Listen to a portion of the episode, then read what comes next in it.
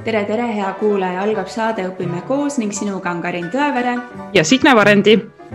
täna on meie saates külas Riigikogu liige Liina Kersna ja tänast saadet salvestades jooksid mul mitmel korral külmavärinad äh, üle keha, sest äh, nii mitmelgi korral ma mõtlesin muinasjutule Inetu pardipoeg, et äh, Liina lugu meenutas ka mulle seda muinasjuttu, kust inetust pardipojast sünnib uhke luik ja põhjus, miks me Liina saatesse kutsusime, oli tegelikult selles, et me tahtsime teada, millised mured paistavad Toompeale.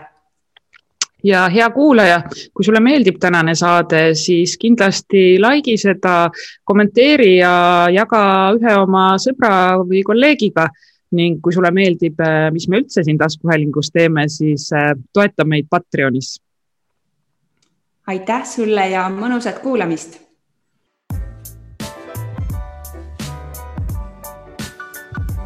tere, Liina. tervist kõigile.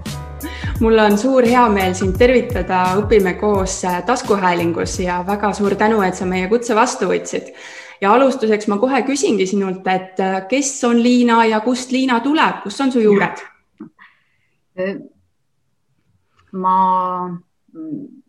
olen õppinud ja kasvanud Harjumaal, Harju Kosel ja lõpetanud põhikooli Kose gümnaasiumis ja siis äh, sellise mm, uljaspeana äh, tulin gümnaasiumisse Tallinnasse, läksin vanaema juurde Lasnamäele elama ja alustasin äh, iseseisvat teekonda. nii et siit Põhja-Eestist olen. ja noh, et kes ma täna olen, täna olen ma eelkõige abikaasa, ema ja, ja tööalaselt on hetkel minu ülesanne olla Riigikogu liige no nii, aga natukene ikkagi tahaks rohkem teada saada, et äh, kuna meie podcast ehk siis taskuhääling räägib haridusest ja on mõeldudki õpetajatele, lapsevanematele ja miks mitte ka sellistele noortele inimestele, kes on kooli kas lõpetanud või lõpetamas või teevad mingeid valikuid et äh, milline on sinu koolitee olnud, et kas selles on olnud rõõme või muresid rohkem, et mis, millised seigad on jäänud võib-olla ka kummitama? Mul on olnud päris huvitav äh, haridustee, eriti veel nüüd tagasi vaadates, et äh, näiteks ähm, algklassides äh, ma olin väga kehv õpilane. Ja seda mitte ähm, kuidagi nagu pehmelt öeldes, vaid päriselt ka, mul olid täitsa ikkagi tunnistusel kahed. Ja ma olen mõelnud, et miks see niimoodi oli ja päris täpset vastust äh, ei teagi, igal juhul ma mäletan seda tunnet, kui ma sain matemaatika tasemetöö algklassides äh, ühe. Ja kuidas ma kartsin koju minna, et öelda seda oma vanematele, et matemaatika äh, tasemetöö on üks. ja siis ma mäletan viiendas klassis meil tuli uus klassijuhataja, kes oli selline noor ja särav Tallinnast tulnud naisterahvas. Ja ja siis ma kuidagi ühel hetkel nagu läks lahti, et ma sain aru, et kui ma päriselt õpin, siis ma saangi hakkama, et kui ma olen oma kodused ülesanded ära teinud, siis ongi parem tunne minna kooli. muidu oli see kooli minek alati selline noh, ebameeldiv ja kuidagi ikkagi nagu hästi stressirohke. aga, aga siis ma kuidagi jah, sain aru, et kui ma ise tegutsen ja pingutan, siis on ka see kool parem koht ja minu mm, hinded läksid oluliselt paremaks ja põhikooli ma tegelikult õpetasin äh, täitsa neljade viitega. ja, ja noh, ütleme nii, et ülikoolis magistratuuri lõpetasin juba cum laude aga minu haridusteel on olnud nii nagu igal inimesel kindlasti on olnud väga säravaid tüüpe. et ma esimesena kohe meenutan äh, oma põhikooliaegset klassijuhatajat, äh, õpetaja Taimi Velströmi, kellega ma mõned aastad tagasi ka uuesti kohtusin, kes oli geograafiaõpetaja, tol ajal oli ta ka õpetaja metoodik, sest et ta oli ka ühe geograafiaõpiku üks autoritest. Ja tema tegi juba tol ajal väga kaasaegset õpet, näiteks Äh, tal olid tarkuse kastikesed, geograafia vihik oli ruuduline ja siis ta lasi meil kõige tähtsama info äh, kirjutada tarkuse kastikesse ja siis ta andis ähm, tunni jooksul välkviisi neile, kes olid kõige aktiivsemad tunnis ja, ja kuidagi paistsid silma. ja, ja see tema selline hästi väärikas, daamilik olek sealjuures, range, aga väga sõbralik ja hooliv, noh, fantastiline inimene. ja, ja siis ma tahtsin põhikooli lõpetada võimalikult hästi kirjanduses, sest et minu eesmärk oli minna õppima ajakirjanduskallakuga keskkooli ja siis ähm, ma hakkasin võtma eratunde äh, meie paneelkorterelamus elavalt ähm, pensioneerunud kirjanduse õpetajalt ja jummal küll, kuidas, kuidas ühe inimesega kohtumine nagu võib saatust ja suhtumist muuta, see on hämmastav. Äh, me rääkisime temaga pikki tunde ja tema näiteks viis mind ähm, siiani minu ühe lemmikkirjaniku Saint-Exupéry juurde ja noh, kui me kõik oleme lugenud Väikest printsi, siis ka mina alustasin sellest, aga lõpetasin noh, kõikidega öise lennuga põhikooli tüdrukuna, kus, mis on väga sellised pikad äh, mõtisklused, filosofeerimised. mul oli eraldi kaust, kuhu ma kirjutasin välja tsitaate äh, Exuperi erinevatest raamatutest ja see tohutult mõjutas mind omal ajal. ja ja kui vaadata nüüd ülikooli, et ma lõpetasin ajakirjanduse eriala ja siis magistratuuri läksin õppima hariduskorraldust ja sealt ma tooksin välja oma magistritöö juhendaja Liina Lepp. Ma ei tea, kas see nimi ütleb teile midagi. Liina on mm, ka olnud Tartu Ülikooli aasta õppejõud. minul ta õppejõud ei olnud, aga ta juhendas minu magistritööd ja see, kuidas ta seda tegi, vau, see oli ka omaette ikkagi äh, õppimise teekond. ja nüüd hiljuti üks sõbranna, kes lõpetab praegu magistratuuri, lasi mul üle lugeda oma töö ja siis ma kirjutasin talle kommentaare siis ta ütles, kuule, Liina, et sa võiksid täitsa olla magistritööde juhendaja. mul oli niivõrd hea eeskuju. nii et äh, minu haridusteel on olnud äh, mitmeid väga säravaid inimesi ja ma tõesti mõtlen nende inimeste peale hästi palju ja olen väga-väga tänulik no sa rääkisid niimoodi, et mul tulid vahepeal külmavärinad peale, et selline nagu nii-nii äge, et äh, aitäh sulle selle eest ja, ja suur kummardus kõikide nendele inimestele ka, keda sa mainisid siin. aga ma korraks tuleksin algklassidesse tagasi, et äh, sa ütlesid, et need hinded ja see hirm ja kas see kõik äh, on ka kuidagi mõjutanud sind ka täna, et sa võib-olla näed, et et see hinded ei olnud nii hea mõte või et, et kui oluline roll on tegelikult õpetajatel ja nende suhtumisel, et kas see on kuidagi sind mõjutanud tänaseid valikuid tehes? see on huvitav, et kui ma lasteaiast läksin kooli, siis äh, minu suur unistus oli saada õpetajaks ja kuidagi ma siis ikkagi silmaga paistsin, nii et ma mäletan seda uduselt küll, aga siiski, et ma käisin koolist lasteaia lapsi õpetamas, et me tegime ma ei tea, käbidest ja looduslikest vahenditest seal mingisuguseid kompositsioone ja, mm. ja pilte, et kuidagi mind nagu kaasati sellesse. aga miks mul endal see õppimine nii konarlikult läks? noh, tegelikult minu klassijuhataja algklassides oli väga teenekas õpetaja ja ma usun, et ta ei teinud midagi otseselt valesti. Nii et ähm, ma mäletan näiteks tol ajal oli ju niimoodi, et klassijuhatajad käisid ju kodus visiitidel ja oli ka selline situatsioon, et äh, klassijuhataja tuli meile siis koju ja istusime laua taga ja ma pidin lugema õpikust mingit teksti. Ja, ja ma ei osanud lugeda et mingis kohas, tähendab, ma oskasin lugeda küll, aga mingis kohas ma jäin nagu toppama ja siis ema müksas mind laua alt jalaga. Et äh, see kuidagi oli, oli raske jah. ma, ma, ma, ma ei oska öelda, igal juhul see on nagu mõistatus ja see, sellele tahaks saada lahendust ja tõenäoliselt see on mind loomulikult inspireerinud, et, et kuidas see õppimine üldse toimub, et ma olen lugenud mitmeid raamatuid selle kohta, kuidas siis inimene õpib ja mis on tal selleks vaja, et ta, et ta hakkaks üldse õppima.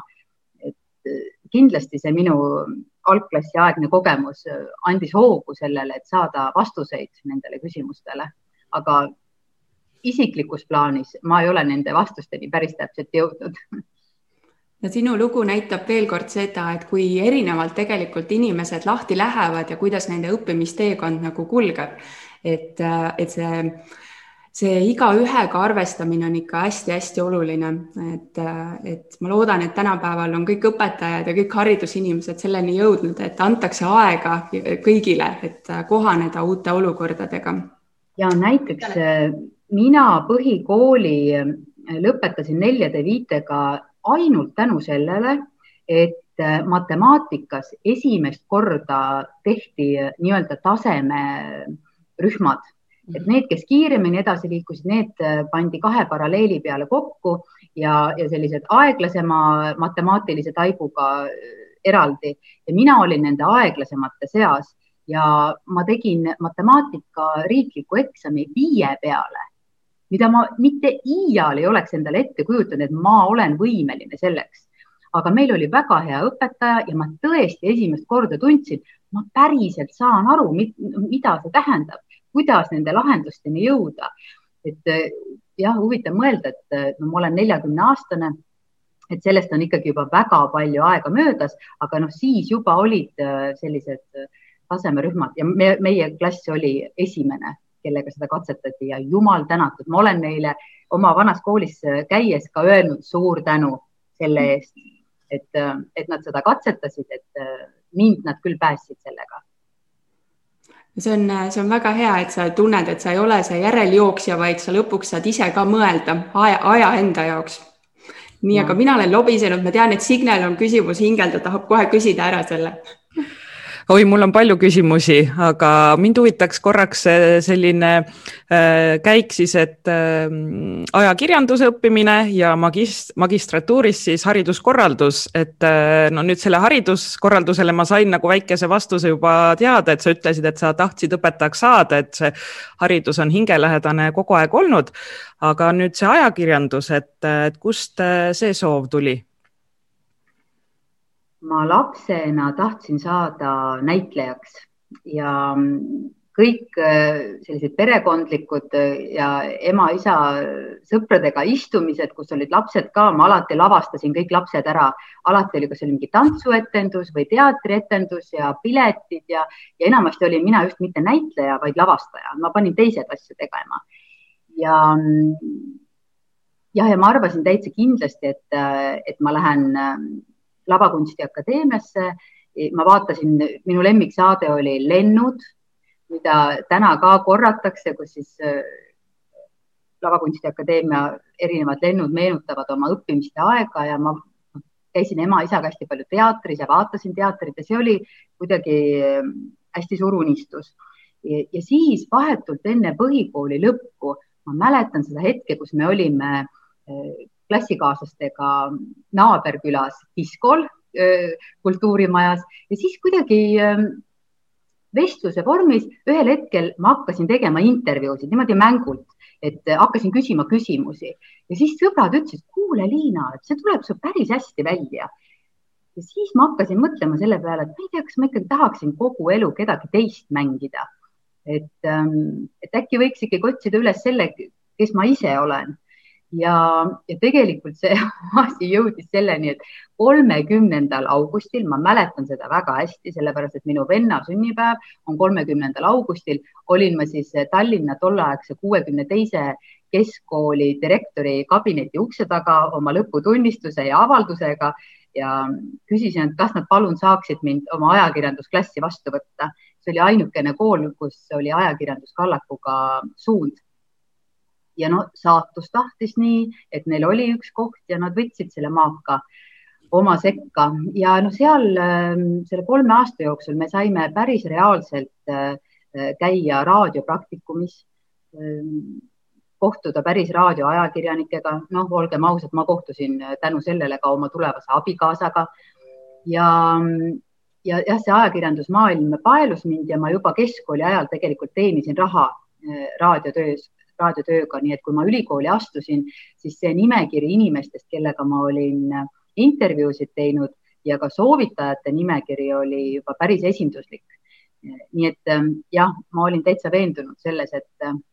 et minust saab ajakirjanik ja no ajakirjanikuna ma tõesti teenisin ka leiba, aga puhtalt prak-, majanduslikel küsimustel äh, ma ühel hetkel pidin ajakirjandusest liikuma kommunikatsiooni valdkonda. ja jah, ja siis äh, tegin noh, omaette sellise karj-, seda võib nimetada tõesti karjääriks kommunikatsiooni valdkonnas, sellepärast et äh, valitsuskommunikatsioonis kõige äh, nagu esimeselt astmelt tõusin ma absoluutsesse selle valdkonna tippu, läbides kõik astmed, mis seal vahepeal olid. et äh, ma olen selle üle päris uhke aga siis sealt edasi liikusin ma juba poliitikasse ja poliitikas üks esimesi teemasid, mis minu ette asetus, mis mind väga kõnetas, oli erakoolide rahastamise küsimus. Ja ma olin eraharidusega kokku puutunud läbi oma lapse, kes ähm, kuidagi ähm,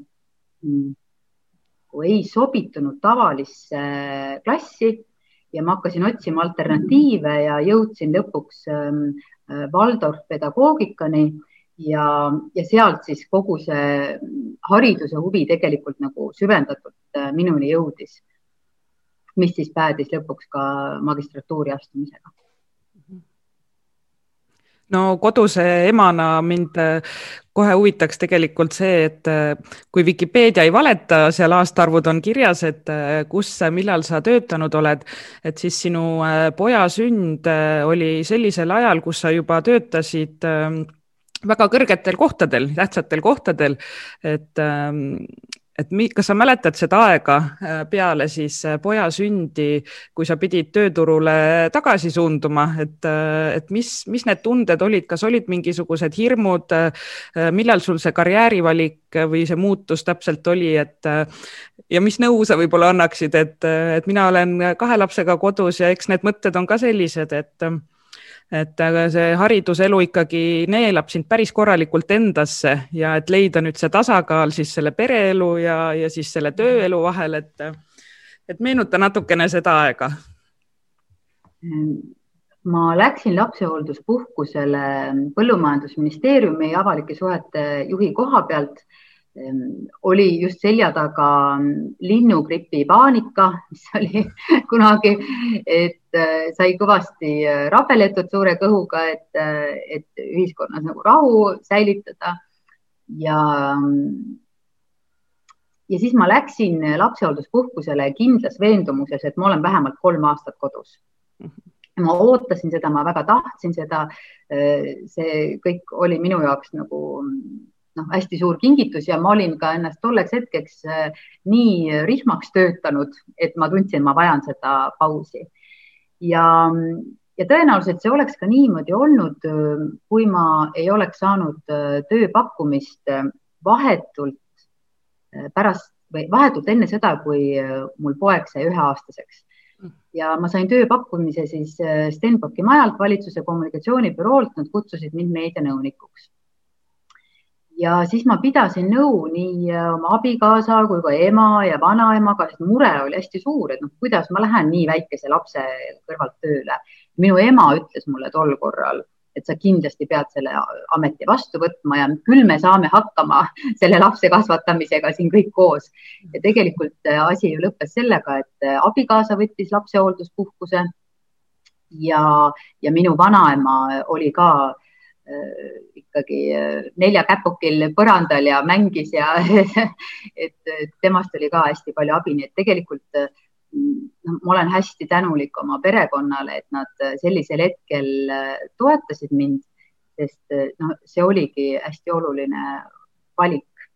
tollel hetkel ja mu süda ei olnud alguses sugugi rahul, aga mida päev edasi, seda rahulikumaks ta jäi ja, ja mind ka julgustas äh, üks kolleeg tol ajal Stenbocki majas, kes, mm, kes oli tulnud tööle no, sügava erivajadusega lapse kõrvalt. Ja, ja me hästi palju rääkisime temaga ka. Ja, ja see tundus kuidagi nagu julgustav, et noh, tegelikult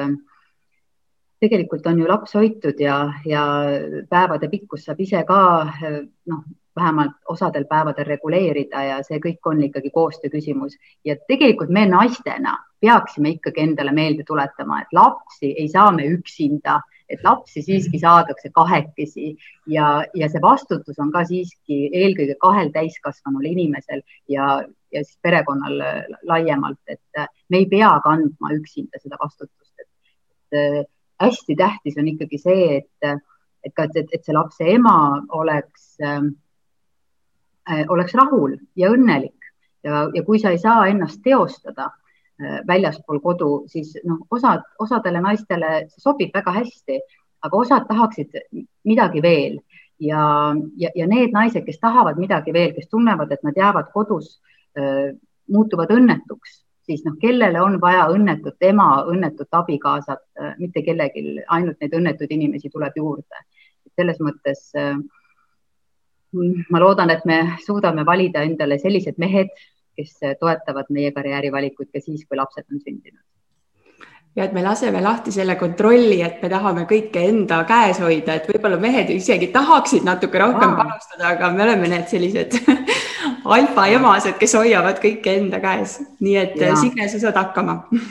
ja mehed saavad ka suurepäraselt hakkama. no kindlasti sama hästi kui emad, mõnedes asjades kindlasti pareminigi veel kui emad, kui me anname neile selle võimaluse. ja keegi ju ei sünni ideaalseks lapsevanemaks, et äh, me ju kõik kasvame lapsevanematena. et oh jumal, kui oleks äh, olnud neliteist aastat äh, tagasi selliste teadmistega nagu praegu, küll teeks asju teistmoodi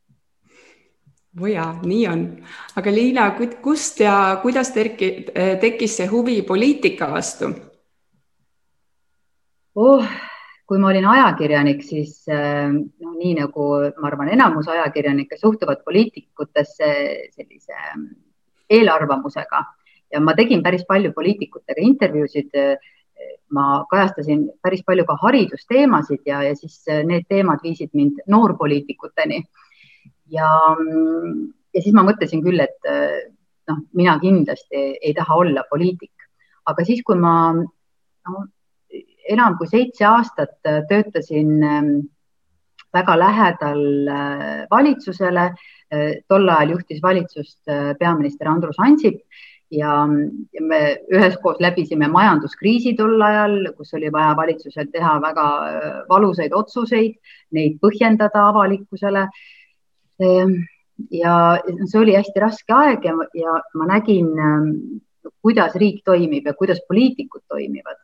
Ja tegelikult see andis mulle väga kindla arusaama, esiteks, et millises erakonnas ma üldse ennast näeksin ja teiseks, et, et poliitikas olles on võimalus päriselt ähm, asju muuta. nüüd täna praktikuna ma saan aru, et see ei ole sugugi lihtne, aga siiski päriselt on võimalik asju muuta ja selle, mis nüüd on siis äh, enam kui viie aastaga, noh, mul on hea meel tõdeda, et jah, et minust on olnud äh, päriselt abi ehk siis, kas sa saad öelda seda, et no kindlasti sul olid mingid ootused, et ma teen ära need asjad ja need asjad hakkavad nüüd muutuma ja kõik läheb hoopis niimoodi, nagu mina tahan. et mis on nagu realiseerinud, realiseerunud ja mis on veel need, millega sa nagu ikka veel kannad seda taaka, et kõnnid ja kõnnid ja teed ja teed ja nagu ikka tulemust ei ole ja sa pead edasi neid lahinguid pidama no esiteks kindlasti on need eesmärgid väga muutunud võrreldes äh, selle ajaga, kui ma alles poliitikasse läksin, siis ma arvasin, et ma hakkan tegelema hoopis teiste teemadega. aga äh, noh, olingi või noh, ma ei olnudki teadlik nendest probleemidest, millest ma olen teadlik täna ja ma olen kõik need aastad töötanud tegelikult sotsiaalkomisjonis, mitte kultuurikomisjonis, mis tegeleb haridusküsimustega aga kuna see haridusvaldkond on minu selline spetsiifiline huvi, siis ma olen ennast pressinud ka kultuurikomisjoni istungitele, kui on olnud haridusteemad äh, arutluse all. aga noh, näiteks, mis ma võin öelda, et äh, mis, mis äh, minu initsiatiivil on, on lõpuks nagu ära tehtud, mis on päris suured asjad, ma arvan, on esiteks see, et koolides tugiteenusega või tugiteenuse osutajate palk seoti äh, meie muudatusettepaneku tulemusel õpetaja palgaga ja see oli väga suur probleem näiteks koolipsühholoogide ja eripedagoogide ja sotsiaalpedagoogide jaoks. see sai tehtud, kusjuures tõesti opositsiooni ettepanekuna see läks läbi, mis on väga erakordne ja nüüd sellel aastal, noh, ma tõesti, tõesti olen nii rõõmus selle üle, kaks aastat sai räägitud, et koolipsühholoogide kutseaasta peaks olema riigi poolt rahastatud. mis ei olnud riigi poolt rahastatud, samamoodi kliiniliste psühholoogide kutseaasta, aga kliiniliste psühholoogide kutseaasta juba valitsus ise otsustas, et nad hakkavad seda rahastama, eelmine aasta seda ei toetatud, nüüd juba siis üle-eelmine aasta, kui me seda välja pakkusime. aga kliini- või koolipsühholoogid jäid sellest välja ja siis riigieelarve menetlemise käigus me jõudsime siis selleni, et tõesti Riigikogu enamus toetas raha eraldamist koolipsühholoogide kutseaastaks nii et noh, need on haridusvaldkonnas äh, tõesti julgen öelda, et minu initsiatiivil juhtunud asjad. ja, ja noh, see annab lootust, et on võimalik asju muuta, aga kui sa küsisid, et mis on südame peal, siis tegelikult südame peal on hästi see, et, ähm, et me küll rakendame juba kümme aastat kaasava hariduse põhimõtteid ja kaks tuhat kaheksateist äh, jõustus põhikooli ja gümnaasiumi seaduse muudatused, mis, äh, mis muutsid ka või noh, püüdsid muuta paindlikumaks ja äh, seda kaasava hariduse rakendamist ja suunas ka raha kohalikele omavalitsustele. noh, on siiski olukord ikkagi väga kehva, kui me teame et, et kolmekümne kuues protsendis koolides täna vaid on koolipsühholoog, kolmkümmend kuus protsenti. Ja nüüd hiljuti tegi Riigikontroll äh, oma raporti, kus ähm, toodi välja, et kolmandikes lasteaedades ei ole äh, piisavalt tugiteenuseid ja veerandid, veerand koolidest ähm, ei oma piisav, noh, seaduses ette nähtud äh, tugiteenuseid. ma arvan muidugi, selles veerandis ei ole mitte seaduses ette nähtud, vaid et üldse ei ole mingeid tugiteenuseid veerand koolides et need on ikkagi äh, väga suured äh, arvud ja nad noh, toovad ka välja, et kaheksa ja pool tuhat last seetõttu jäävad õigeaegse abita ja noh, need on väga suured arvud ja murettekitavad numbrid, et selle nimel tuleb kindlasti edasi tegutseda. Ja, ja üldse laste vaimse tervise temaatika on, on väga kriitiline, et näitajad on kehvad on läinud kehvemaks selle koroonakriisi ajal ka ja, ja abi kättesaadavus äh, on, on madal, et äh, sellega me peame kindlasti edasi tegutsema aga mis on need äh, siis aspektid, millega seal sotsiaalkomisjonis tegeled, et need olid see hariduse pool, et nad on ju tegelikult päris palju seotud ikkagi omavahel, aga, aga mis on siis võib-olla see, mis sinna hariduse alla ei lähe? no näiteks ähm, lähisuhtevägivalla temaatika on see, millega ma olen kõik need aastad äh, tegelenud, kui, kui viis aastat tagasi näiteks äh, ei olnud ühiskonnas sugugi äh,, sugugi nagu see teadlikkus oli nii palju madalam, et noh, näiteks, et pühade ajal lähisuhtevägivald äh, kodudes kasvab. ma mäletan seda hetke, kui ma ise äh, nagu sain seda teada, rääkides äh, varjupaiga töötajatega, et, ähm, et just pühade ajal see nii äh, suurelt kasvab, vägivald kodudes ja siis ma kirjutasin ka artikli sel teemal noh, täna on niimoodi, et me kõik kuuleme erinevatest uudistekanalitest, kuidas äh, politsei ja ohvriabi kõik juba ennetavalt annavad teada, et see on selline kriitiline aeg, oleme, oleme tähelepanelikud, märkame, anname teada, kui, kui miskit kuuleme või näeme. et, ähm, et selle viie aastaga on selles valdkonnas väga suur areng toimunud Eh, lisaks eh, ühiskondlikule teadlikkusele, ma olen ise ka väga palju artikleid sel teemal kirjutanud, eh, aga ka süsteem on muutunud oluliselt paremaks, et kui viis aastat tagasi oli niimoodi, et meil olid üle Eesti erinevates maakondades naiste varjupaigad, need on, tegutsevad MTÜ-dena, siis riik andis neile raha kord aastas projektipõhiselt. Ja, ja osad siis said rohkem, osad said vähem ja see oli hästi ebastabiilne, et nad ei teadnud, kas nad järgmine aasta seda rahastust saavad või ei saa. siis äh,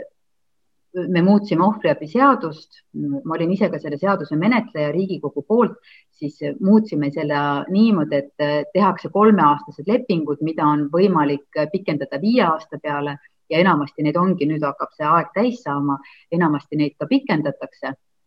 et äh, need naiste varjupaigad said äh, sellise stabiilse rahastuse ja kui ma noh, viis aastat tagasi rääkisin, et naiste varjupaigad vajaksid äh, aastas miljonit tol ajal nad said kuskil viissada tuhat ja veidikene peale, aga et vaja oleks miljonit, siis noh, täna see miljon juba nüüd kaks aastat on olnud.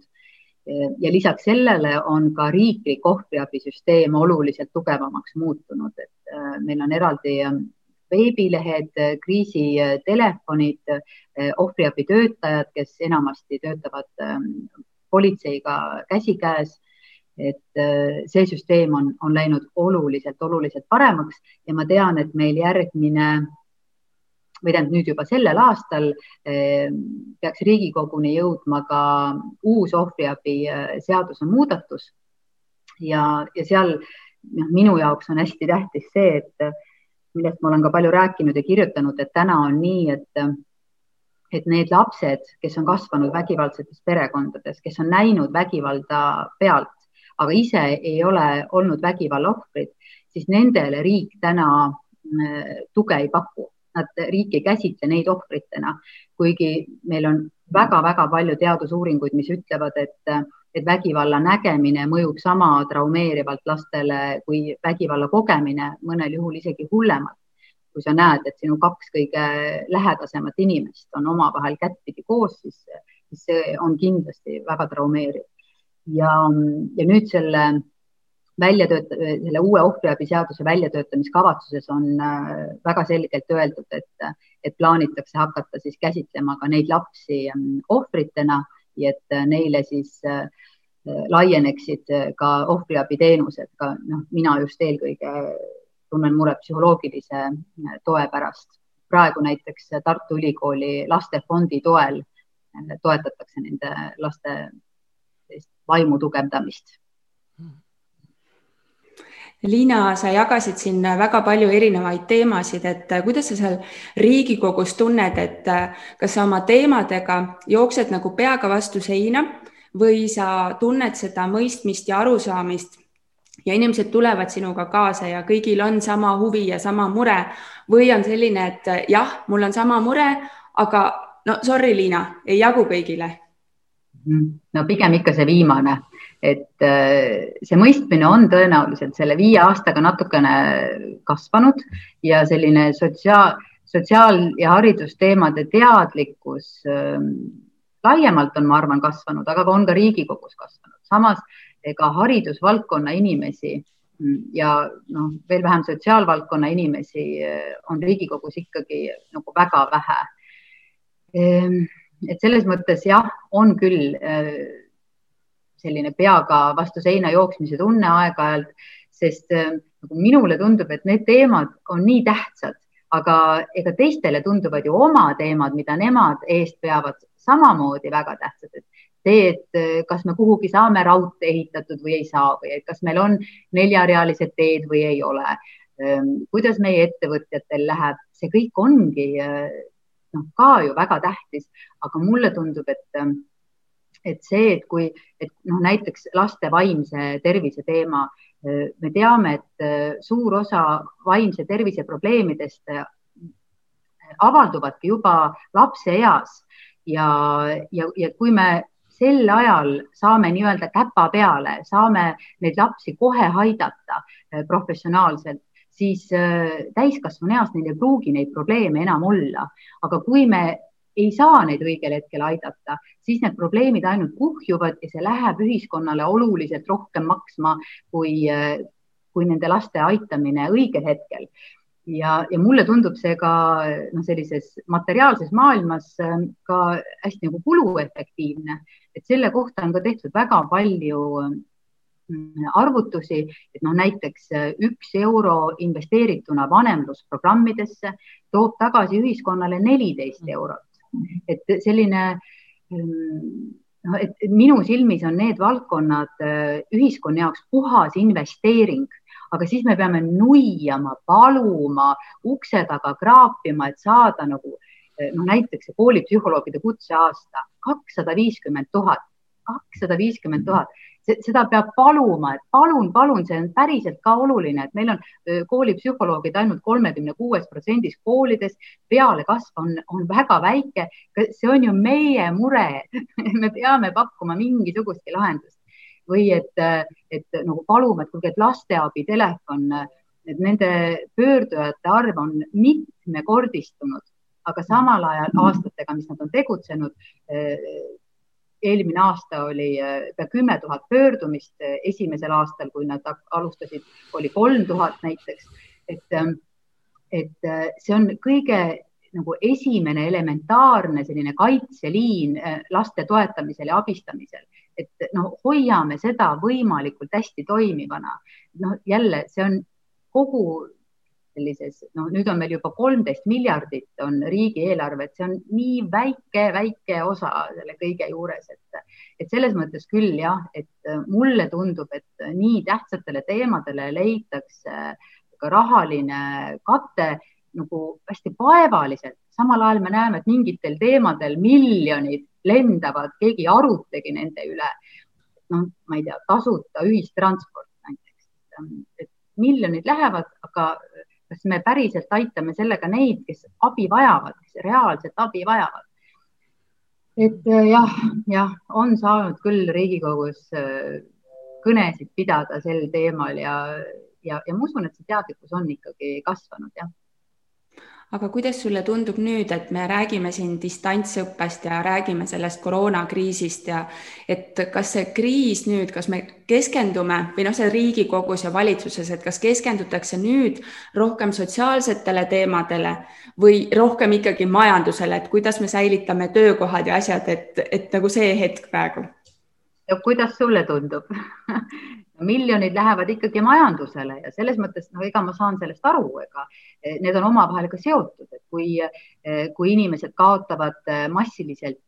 töökohad, siis see tekitab kohe juurde ka väga palju sotsiaalseid probleeme, vaimse tervise probleeme kindlasti, et ehm, noh, ilmselgelt see on ka oluline, aga sealjuures noh, ma tõesti täiesti siiralt imestan ja olen ka küsinud äh, Riigikogu saalis peaministri käest, et, et noh, kogu aeg öeldakse seda, et kui siin kriisiolukorras, et kui riik kehtestab piirangud, siis riik peab ka kompenseerima sellest piirangust äh, tulnud kahju. ja, ja ma küsin, et äh, praktiliselt esimese asjana saadeti jälle hoolimata sellest, et nad lubati, et koole saadetakse viimases järgus distantsõppele. esimeses järgus saadeti kohe jälle lapsed distantsõppele ja ma küsin, kuidas valitsus toetab koole, kuidas valitsus toetab õpetajaid selles olukorras, kelle töökoormus oluliselt kasvab? ja tegelikult noh, tõde ongi selles, et, et ettevõtjatel peab hakkama valitsus kohe maksma kompensatsiooni, aga koolid keegi, ega mhm. keegi pole ka seda nõudnud. et äh, minu meelest ähm, noh, see võiks olla elementaarne, et noh, tegelikult no olgem ausad, isegi ju nad jätsid ära õpetajate palgatõusu kogu selle juures, selle asemel, et maksta lisatasusid mm. -hmm. lisaks palgatõusule ka lisatasusid, sest et õpetajad teevad reaalselt oluliselt rohkem tööd ja ja noh, ma päriselt ka täitsa sügavalt ja siiralt ei saa aru, miks suvel ei tegeletud näiteks koolide ventilatsiooniga. kui me teame seda, et, et, et see teine laine raudselt tuleb, see teadmine oli kõigil olemas. me teadsime ka seda, et me enda Eesti teadlasedki rääkisid sellest, et hea ventilatsioon ähm, takistab selle viiruse levikut. noh, miks me ei teinud koolides suvel siis investeeringuid selleks, et võimalikult turvaliselt sügisel jätkata äh, õpinguid. et äh, jah, jah, et mulle ikkagi tundub, et kuidagi ähm, need asjad on nagu teisejärgulised ikkagi jah kas võib-olla ka, sa ütlesidki ju, et noh, et keegi ju ei nõudnud seda toetust, et kas õpetajad on liiga siis tagasihoidlikud, teevad oma tööd noh, nii-öelda missioonitundest südamega ja on õnnelikud selle üle, mis neile antakse, et, et mis su sõnum oleks õpetajatele, kas rohkem häält teha?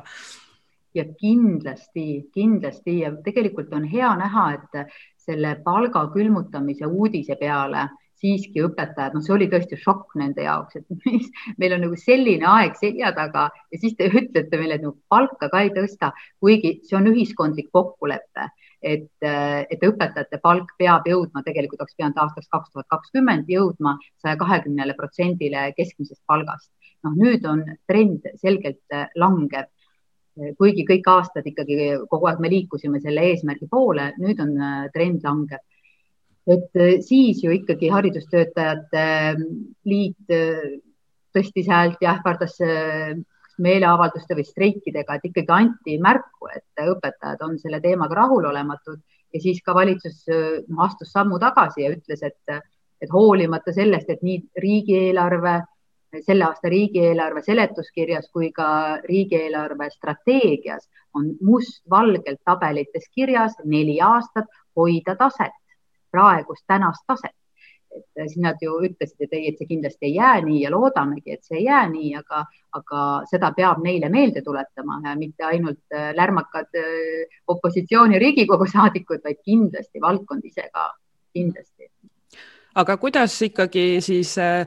õpetaja hääl Riigikokku jõuab, kas see ongi nüüd Õpetajate Liit või on ka mingeid muid võimalusi, et näiteks äh, sina oled minu jaoks hästi aktiivne Facebookis. ma ei tea, kas teised Riigikogu liikmed ka on, kas see tuleb sinu kommunikatsioonitaustast, et sa jagad hästi palju seda, noh, mis sa äh, töö, mis tööd sa teed ja millega konkreetselt tegeled ja vastad kommentaaridele, inimesed kommenteerivad, et, et mis võimalused sinu silmis õpetajal on, et, et tema hääl ikka ikkagi Riigikokku jõuaks?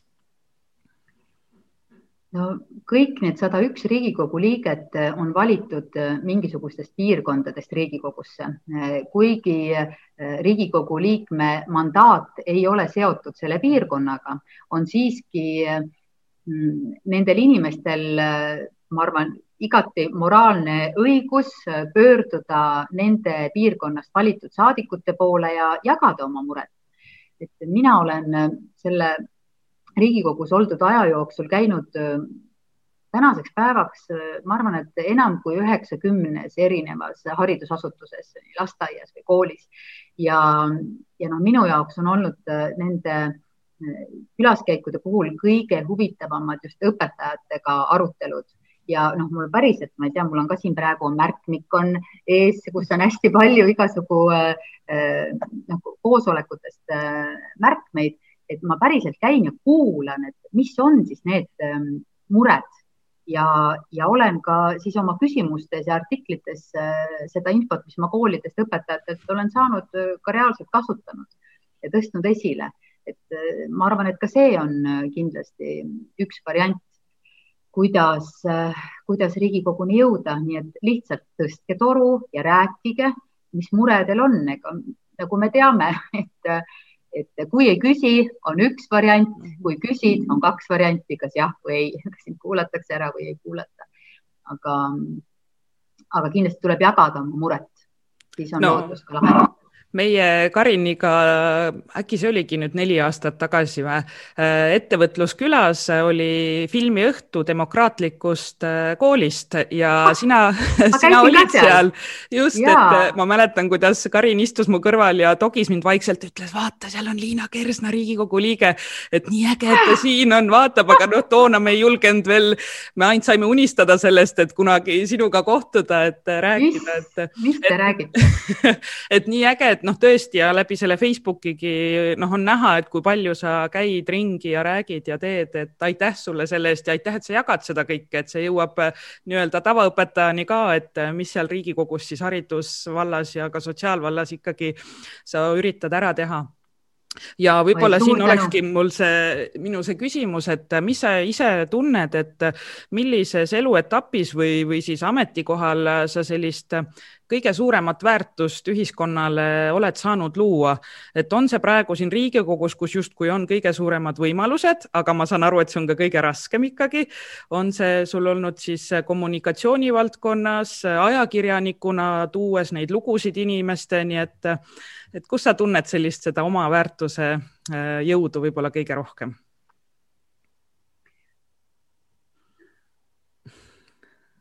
Ma arvan, et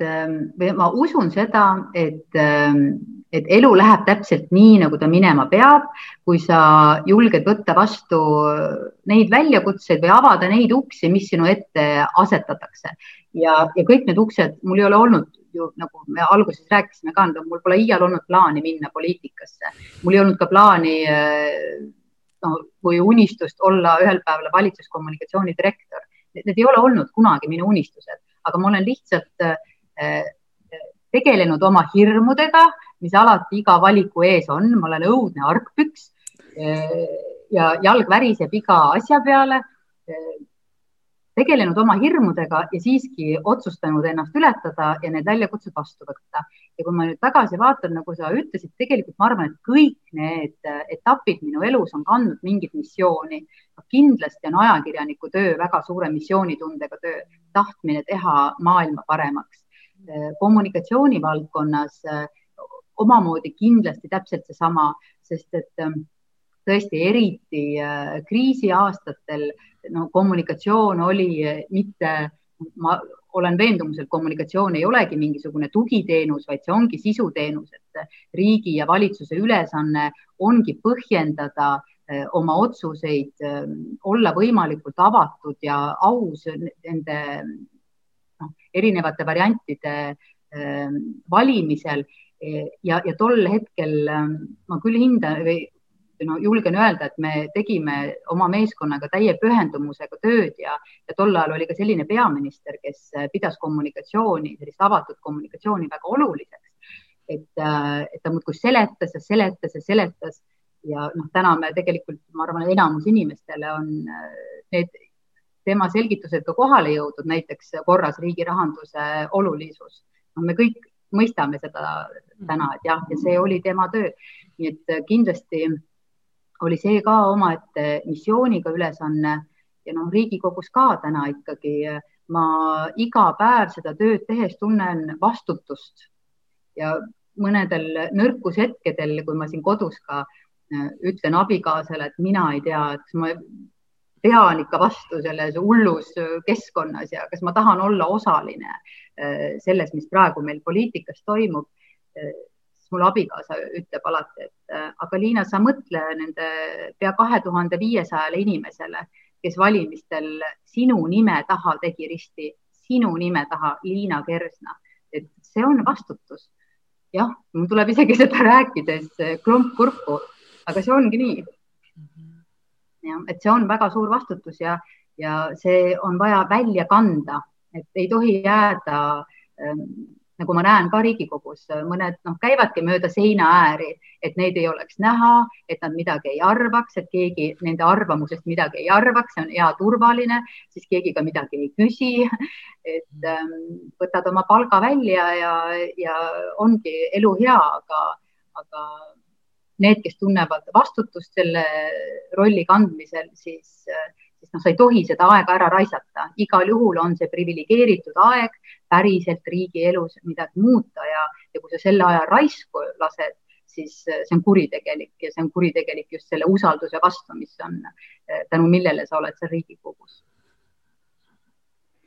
No Liina, siinkohal on hea küsida ära üks kuulaja küsimus. Et kui sa vaatad tänaseid sündmusi, mis toimub maailmas, mis toimub Eestis, kõik need kriisid, kõik need olukorrad, et äh, kuhu peaks panema plaastri, et oleks stopp ja läheks elu normaalseks?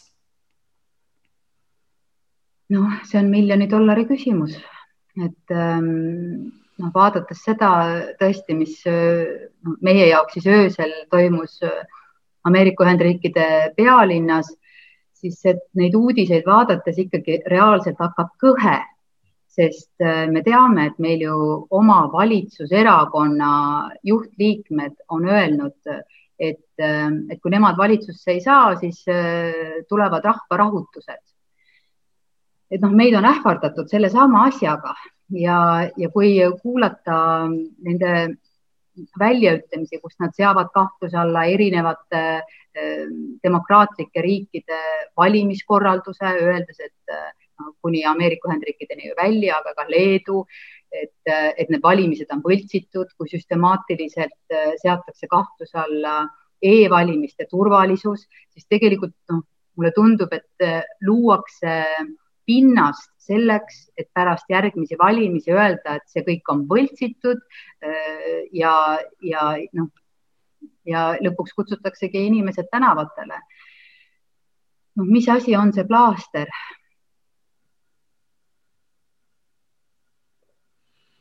Tahaks öelda, et pikas perspektiivis on see plaaster haridus. aga lühi, lühikeses perspektiivis äh, ma arvan, on hästi oluline see, et, et me ei tohi jääda vait et me ei tohi ähm, sulguda oma kookonisse, mõelda, et ah, see meid ei puuduta, las nad seal räuskavad ähm,. Kui, kui äh, kriitiline osa ühiskonnast otsustab, et ma eraldun sellest, ma tõstan käed üles ja elan vaikselt äh, rahulikult oma elu, siis me ühel päeval leiamegi ennast sellisest Eestist, kus on abordid keelatud näiteks, äh, kus päriselt noored ei saagi minna psühhiaatri juurde ilma et, et nad oma näiteks vanematelt ei saa kirjalikku nõusoleku sellest. et ähm, ja, ja, ja väga paljud muud asjad, et ähm, ka sellisest Eestist, kus äh, noh, kus me ei saakski rääkida nendel teemadel, kas ema saab tööle minna või ei saa tööle minna. kas laste kasvatamine on äh, ainult ema ülesanne või on see lapsevanemate ülesanne?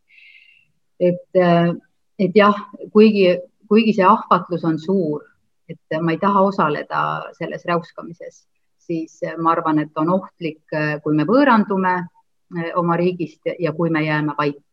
Et püüame siiski nende asjade puhul, mis meie väärtustega kokku ei lähe, eh, siiski öelda seda ka välja, et see ei ole okei okay,, mis toimub nii et see ei ole praegu koht, kus öelda, et targem annab järele ja jääb vait? no minu, minu vaatevinklist küll kindlasti mitte küsimus on selles, kuidas me oma arvamust ka väljendame, et, ähm, et me kindlasti ei tohiks äh, minna samale tasemele, hakata samamoodi räuskama, et, et ühiskond väga vajab argumenteeritud diskussiooni ja,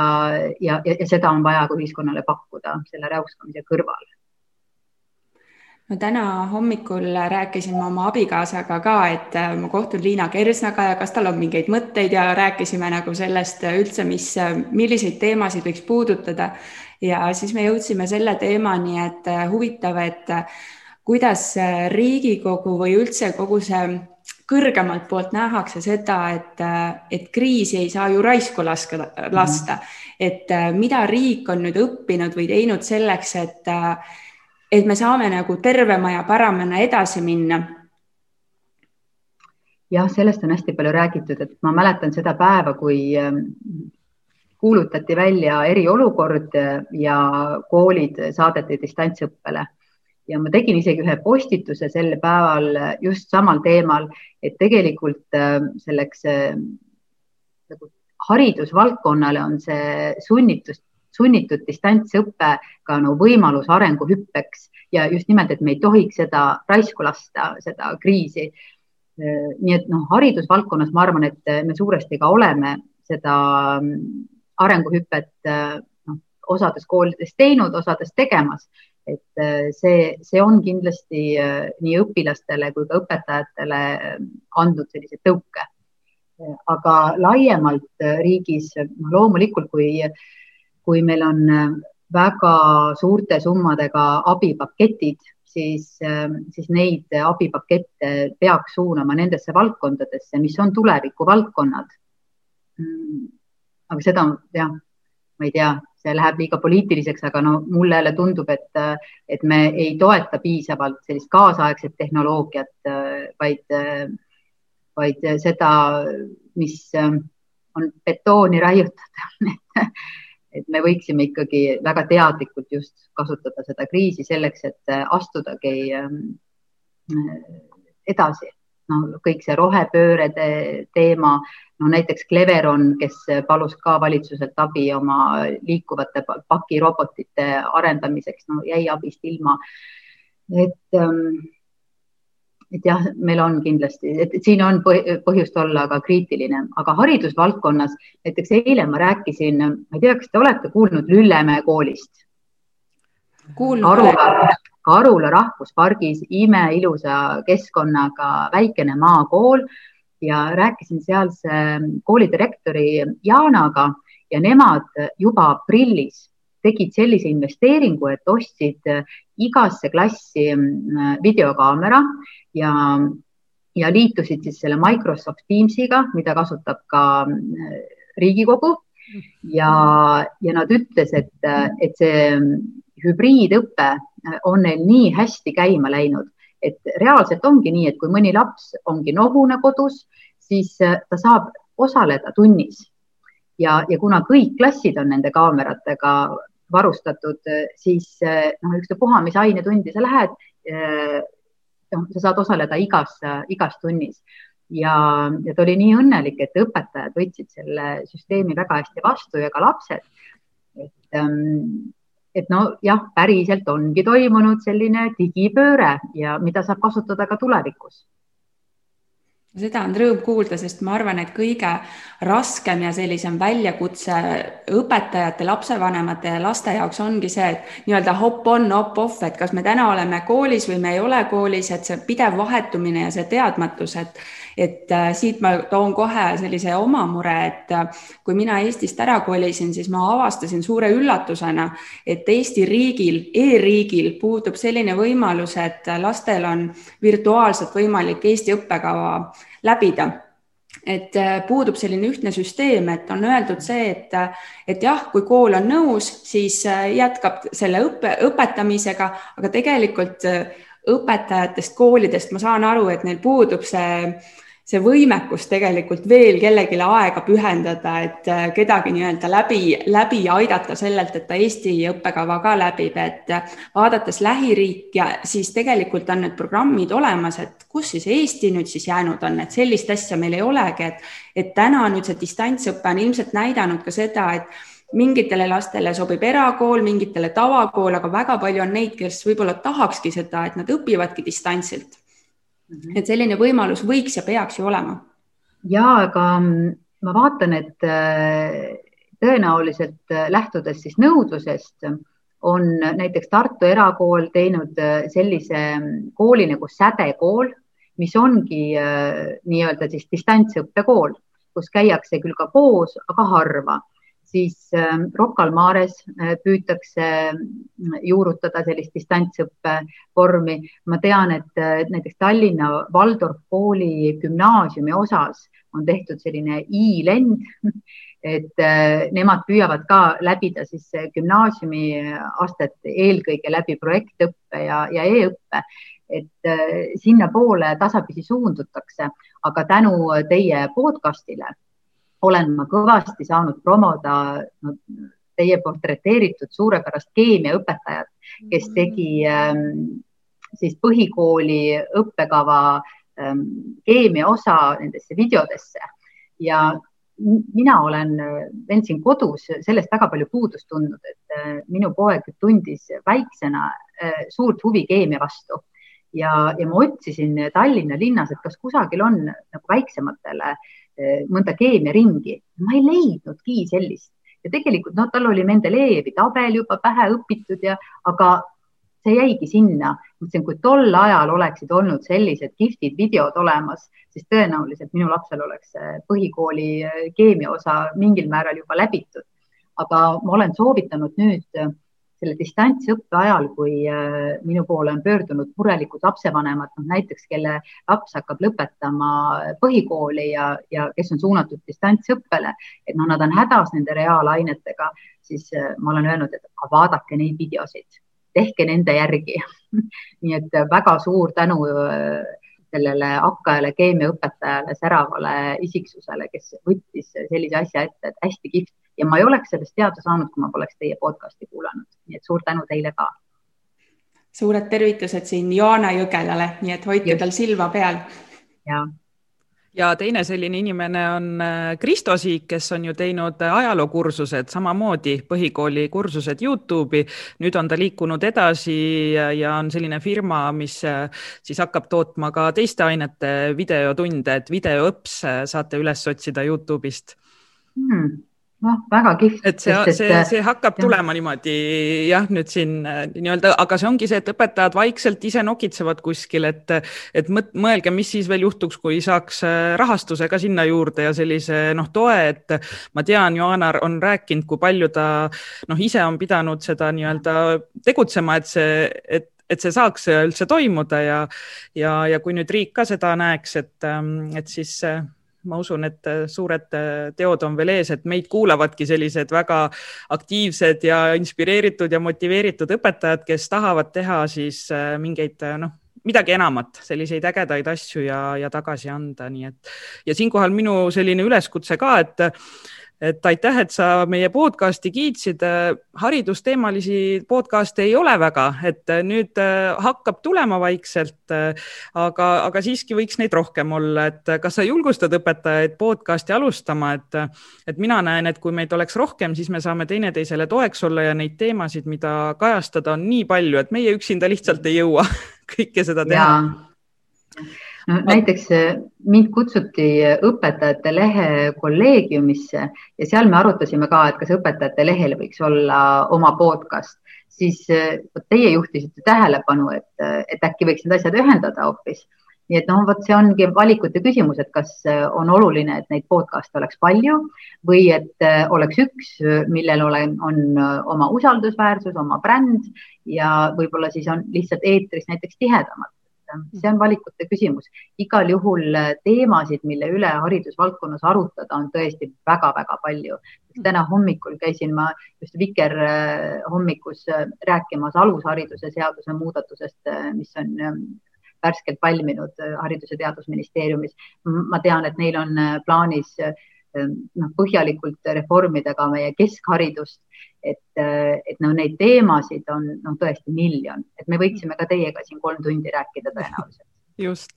aga võib-olla siin on jällegi need hirmud, millest me oleme ka täna saates rääkinud, et, et õpetaja mõtleb, et ma olen ju õpetaja lihtsalt, et mul ei ole ajakirjaniku tausta, et noh, et see ikkagi justkui nõuab, et ma olen, olen natukene kursis nende asjadega, et meiegi käest on küsitud kohe, et kas teil on ajakirjaniku taust, et miks te seda teete, kuidas te seda teete, et me oleme öelnud, et ei. ei ole oleme, seda tausta. ei ole just, et me oleme lihtsalt kaks klassiõpetajat, keda huvitab hariduselu ja kes tahavad samuti nagu sinagi panustada sellesse ja me näeme, et selline, et, et nii tore, et et see on ka reaalselt abiks olnud ja, ja meil on oma Õpime koos väljakutse õpetajatele, et kes on huvitatud ja mõtlevad, et võiks teha oma taskuhäälingut, et siis, siis me saame abiks olla ja, ja jagada oma tarkust, mis me sellel neljal aastal oleme kogunenud, nii et üleskutse kõigile õpetajatele ja ka õpetajad on selles mõttes ka eriline seltskond, et nemad on ju harjunud esinema, nad on ju pidevalt esineja rollis ja, ja nad on harjunud ka küsima, nad on isegi noh, professionaalsed küsijad, neid koolitatakse, kuidas, kuidas läheneda lastele, kuidas nagu edasiviivalt küsida. Et, et ma arvan, et see on õpetajatele need elementaarsed tõed mis ajakirjanduses on selgeks teha, on väga palju lihtsam kui näiteks noh, mõnele teise eriala inimesele mm. -hmm nii, aga lõpetuseks, Liina, kui sa saad nüüd äh, unistada, me ikka oma äh, külalistelt küsime, et unistuste kool, aga sinult peaks äkki küsima siis unistuste haridusriik oh.? jah, vot uni, unistuste haridusriik ehm, esiteks ma arvan, et, et on väga oluline, et meie haridusmaastik oleks mitmekülgne, et meil oleks erinevaid koole, et lapsed ja lapsevanemad saaksid valida nende lastele võimalikult hästi sobiva kooli ja et hoolimata omandivormist, et see haridus oleks ka võimalikult kättesaadav. ka eraharidus, et kui, kui näiteks sobib see Waldorf pedagoogika lapsele kõige paremini. et eh, see on kindlasti väärtus, mille eest ka riik peaks seisma, et eh, haridusmaastik oleks mitmekesine. siis teine asi, mis eh, sellises ideaalses haridusriigis on, on, on see, et meie õpetajad oleksid hästi hoitud riigi poolt. et esiteks, et nad oleksid hästi haritud et ähm, riik tagaks äh, väga hea õpetajahariduse, mis oleks äh, esimesel võimalusel ka võimalikult praktiline. Mm, aga et see oleks ka tõesti kaasaegne ja et õpetajaharidusse jõuaksid meie helgemad pead. ja siis, kui õpetaja juba on koolis, et ta tunneks ennast äh, hoitud ja, ja kaitstuna, et ähm, me teame seda, et kui õpetaja on klassi ees stressis, siis on suure tõenäosusega stressis ka lapsed. kui õpetaja on õnnetu, siis ta tõenäoliselt ei suuda ka oma ainet edasi anda ega inspireerida õpilasi, mis tegelikult õpetaja kõige suurem roll on, hoida laste eneseusku ja, ja inspireerida neid. ja noh, õnnetu inimene seda kindlasti ei tee, et, ähm, et õpetajatel ähm, oleks äh, tunnikoormus normaalne, täna me teame, et õpetajad äh, on selgelt ülekoormatud, äh, see kontakttundide arv võiks olla noh, on pakutud, et seitseteist kuni viisteist kontakttundi kahekümne esi, kahekümne ühe asemel, et õpetajatel oleks rohkem aega tegeleda oma valdkonnaga, teha oma kolleegidega koostööd, suhelda päriselt äh, lapsevanematega, lastega, et äh, seda aega kõike neile napib nii et äh, ma siin hoobilt ütleksin jah, kaks asja, et meie haridusmaastik oleks mitmekesine ja et meie õpetajad koolis oleksid hästi hoitud ja motiveeritud, sest ainult nii me saame olla kindlad, et ka meie lapsed on hästi hoitud ja motiveeritud koolis no mina kirjutan sellele unistusele alla kahe käega kohe, et, et samad, väärtustan samu asju, jah. Ja muidugi ja need tugiteenused muidugi ka, et see, see, et, et see esmane abi oleks võimalikult lähedal lapsele, no näiteks koolipsühholoog, et see on ka hästi-hästi oluline sellise mm, vaimse tervise kaitsel elementaarne. et kui me jõuaksime selleni, et igas koolis ja igas haridusasutuses oleks see teenus kättesaadav, siis oleks ka juba väga hästi. Nii ja Liina, nüüd siis viimane küsimus sulle täna. et äh, vahetame korraks rollid niimoodi, et sina istud siin minu ja Signe asemel, mida sa küsiksid Liinalt iseendalt, ma juba mõtlesin, mida ma teilt võiksin küsida. iseendalt